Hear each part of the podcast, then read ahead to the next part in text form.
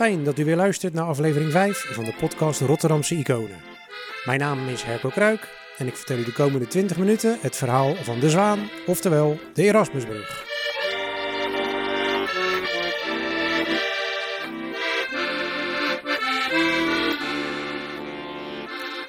De brug die niemand wilde. Zo keek stedenbouwkundige en directrice stadsontwikkeling Riek Bakker in een interview terug op de in 1996 geopende nieuwe verbinding tussen Noord en Zuid. Want, zo stelden ze verder, niemand wilde die brug. Niemand wou.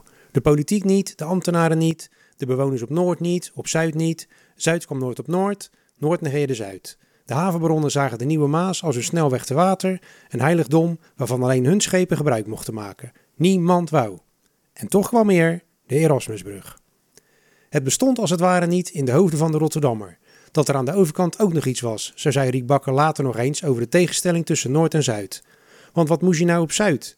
Voor veel Noorderlingen begint daar Brabant eigenlijk al en die hele brug is volgens hen toch vooral een kwestie van ontwikkelingshulp geweest.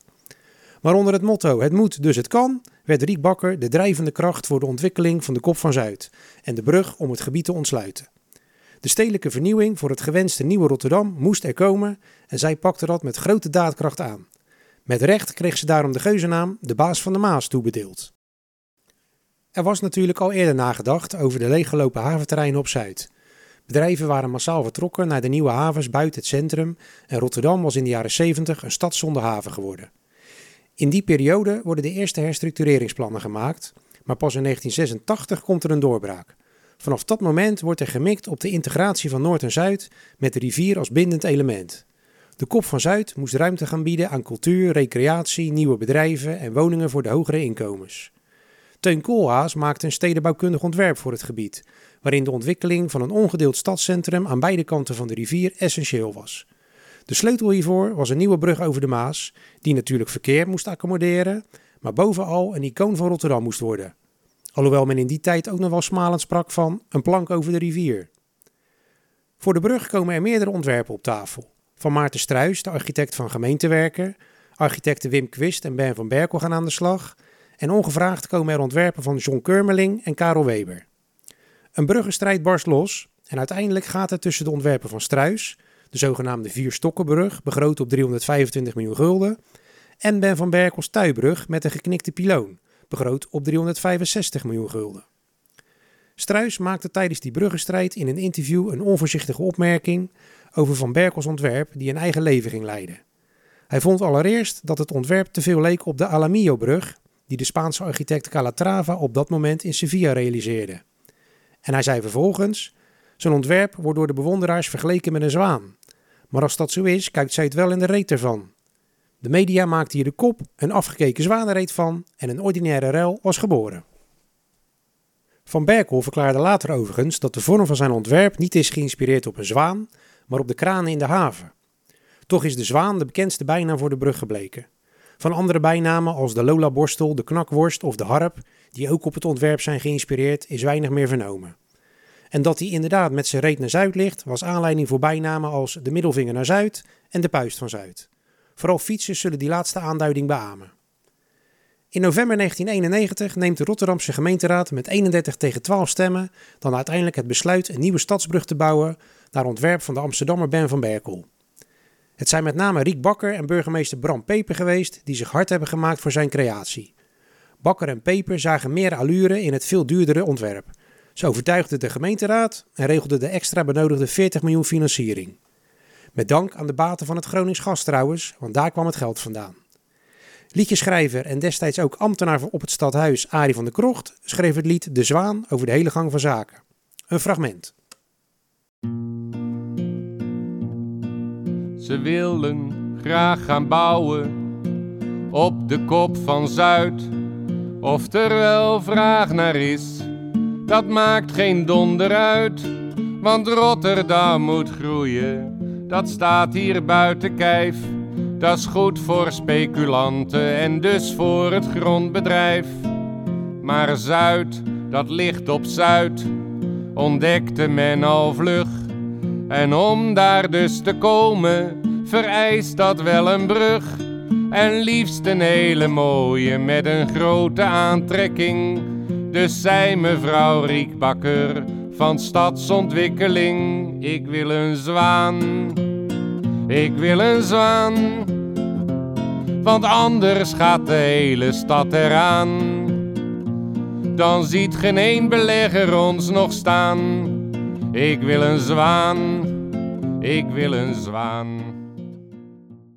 Veel Rotterdammers zagen de brug vooral als een prestigeproject van Bram Peper. En dat leidde al snel tot een lekker plat Rotterdamse bijnamen, de Pik van Peper of Pepers Erectie. En het kan nog platter, want Peper was destijds getrouwd met Nelly Kroes. Dus de poes van Kroes ging ook rond in de volksmond. Of, omdat zij vaak in korte splitrokjes gekleed ging, de dijen van Nelly. De officiële naam Erasmusbrug wordt in februari 1992 vastgesteld. De grootste Rotterdammer ooit is dan al veruit de grootste naamgever in de stad. Naar hem zijn een universiteit, een ziekenhuis, een gymnasium, een pad, een singel en een straat vernoemd en later tijdelijk ook nog een metrolijn. Overigens kende Rotterdam nog geen Erasmusweg, plein, laan, baan, dijk of hof. Ideetje wellicht voor de Rotterdamse straatnamencommissie? Het historisch besef van vele Rotterdammers bleek in 2003 echter niet groot. Tijdens een enquête aan de voet van de brug werd voorbijgangers gevraagd wie Erasmus eigenlijk was. En serieus waar, meer dan de helft van de respondenten dacht dat Erasmus de architect van de brug wel zou zijn. Van Berkel heeft zijn eerste ontwerp trouwens nog in beton gedacht. Onder andere omdat de andere Rotterdamse stadsbruggen allemaal van staal zijn.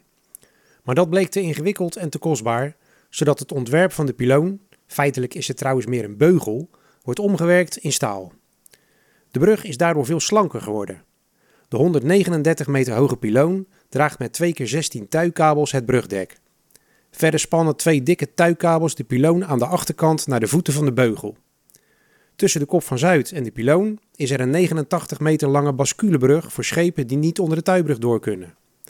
Leuk weetje om eens op te letten: de geopende brug staat scheef, omdat hij niet loodrecht op de rijrichting scharniert. Zeer kenmerkend voor de Erasmusbrug is de gekozen kleur.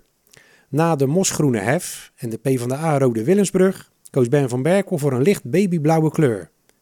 Oh, u dacht dat die wit was? Nee dus. Uit studies was namelijk gebleken dat de kleur lichtblauw, veel sterker dan wit, de kleuren van de omgeving aanneemt en dan, afhankelijk van het licht en de luchten, de brug er elke dag weer anders uit laat zien. Na een bouwduur van drie jaar werd de brug binnen budget en precies op tijd opgeleverd. De piloon was in Vlissingen gebouwd en vervolgens naar het Kalandkanaal gesleept, waar het brugdeel eraan werd bevestigd. Het hele gevaarte werd daarna naar de kop van Zuid gesleept. De officiële opening was op 4 september 1996, in het weekend van de Wereldhavendagen, en daar trok de gemeente ook flink de portemonnee voor. 3 miljoen gulden was er voor diverse festiviteiten uitgetrokken. Want ook de dagen na de openingsceremonie werd er een waar volksfeest gevierd. Met onder andere een lopend dansfeest, er mogen namelijk maximaal maar 10.000 mensen op de brug, en er was een massale zondagochtendbrunch voor 5.000 mensen.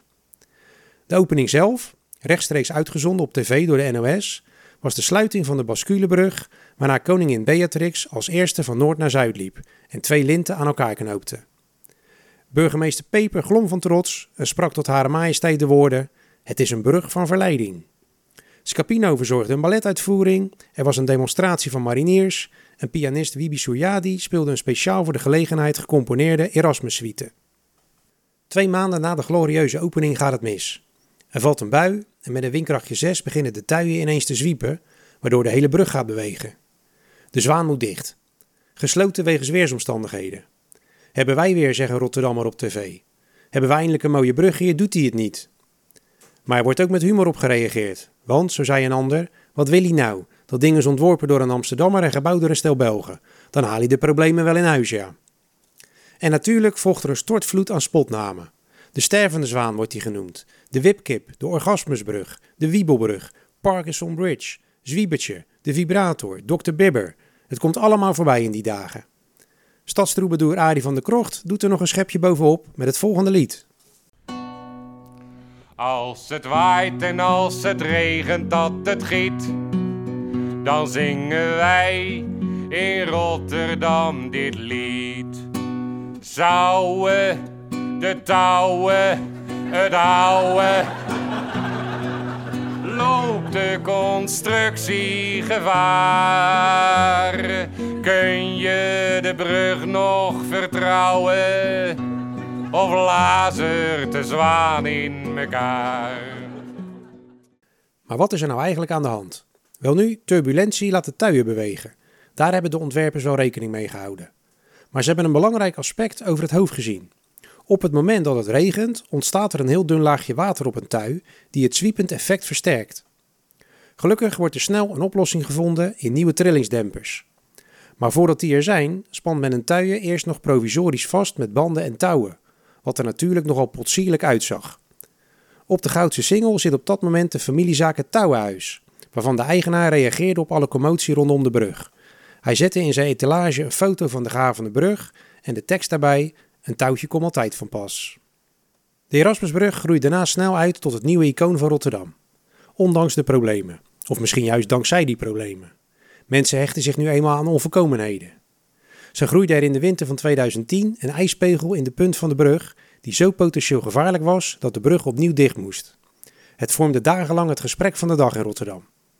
En bijna was de zwaan betrokken bij een aanslag toen de AIVD op Oudjaarsdag 2007 drie mannen arresteerde die een terroristische actie aan het voorbereiden waren.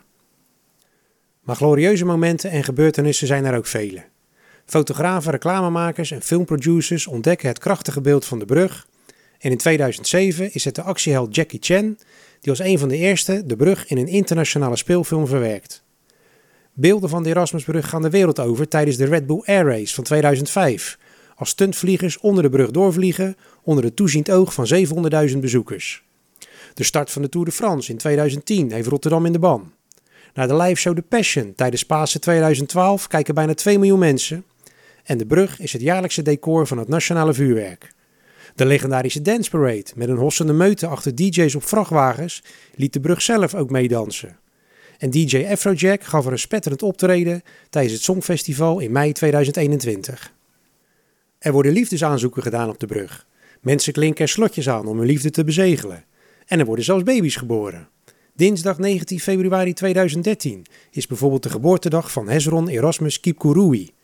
De baby kwam met een flitsbevalling ter wereld in de auto van zijn ouders aan de voet van de Erasmusbrug. Vanwege de bijzondere bevalling gaven de ouders hun kind zijn tweede naam, Erasmus. Maar de vader toonde zich niet verrast over de flitsbevalling. Want, zo stelde hij, het gebeurde in het zicht van de Koolsingel. Hezron is half Keniaans en zo gauw Kenianen de Koolsingel zien, de finish van de Rotterdam Marathon, gaan ze altijd harder rennen. Een toekomstige Rotterdamse winnaar ligt dus mogelijk in het verschiet. Talloze dichters, journalisten en artiesten brengen odes aan de brug. Poëtische benamingen als de blauwe engel, het vrouwenbeen of zelfs de Zeus met geknikte knieën komen voorbij. Dichter Peter Schat schrijft de mooie regel: Hier zal de zeewind in de kabels harp spelen. En de Amsterdamse schrijver-journalist James Worthy noteert: Rotterdam is prachtig. Al die wolkenkrabbers lijken op vrouwenbenen, waar maar geen einde aan komt. Ze dragen panties van glas.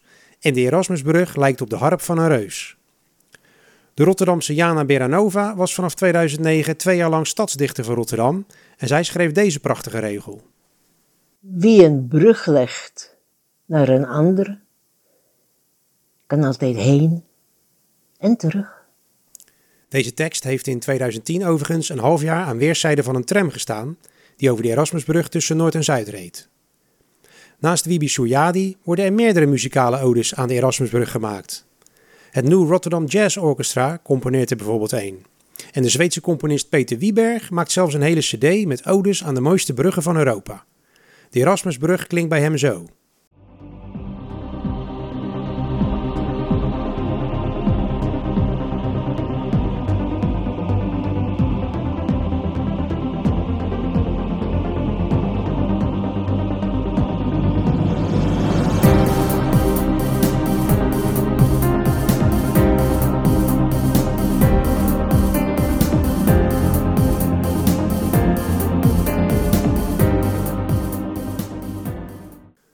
Woordkunstenaar Chris Blok maakte deze ode aan de brug. We zijn in hetzelfde jaar geboren, samen opgegroeid in de stad, waar de Rotterdame onze moeder is en wij hebben als broertjes een band. Ben ik bij je, zie ik zelfs in de skyline geen limiet. De zon schijnt en je biedt inzicht door je uitzicht, want ik bekijk je perspectief. En soms lijkt het even niet te gaan zoals we willen. Maar dan hijs je de vlag in de euromast en ervaren we je in stilte enkel alleen om in je orakel-oceanen te verdrinken. We nemen plaats aan je kades en laten je Fata Morgana inzinken, want Ben zag je vanaf Berkel als een connectie en nu ben je voor de stad als een obsessie. Architectuur heeft de dierlijke textuur van een zwaan met die metallic glanzende vacht van je. Iedereen die weet hoe je heet wordt zo heet dat de erasmussen van het dak vallen en dankzij je stalen huid raken we nooit de draad kwijt. Met 129 meter hoog en 802 meter lang zou je een perfecte kabelbaan zijn, maar op jouw vleugels vliegt het verkeer om de havenklap door de havens. Als de verbinding van de kop van Zuid aan de belichaming met het hart van de Rotterdam. En naast talloze bijnamen, die al voorbij zijn gekomen, gaf de brug ook inspiratie tot hele nieuwe woorden en uitdrukkingen. Zo hebben Rotterdammers het niet meer over waanzinnig, maar over zwaanzinnig. Of wat dacht u van het spreekwoord zwaantje de voorste willen zijn? Voor ons geen haantje, maar een zwaantje. Een leerkracht van groep 8 liet haar klas nieuwe spreekwoorden bedenken in de tijd dat de brug net was gaan trillen. Over de zwaan zwabberen, verzon een leerling, met als betekenis iets wat bijna mislukt, maar nog net goed gaat. De Rotterdamse kunstenaar Niels Post haalde in 2006 ook een mooie stunt uit. Hij hing een illegale postbus op aan de piloon en liet daardoor bekende kaarten naartoe sturen. Diverse postbodes zochten zich afhankelijk wezenloos naar het adres Erasmusbrug 1 3072 Rotterdam.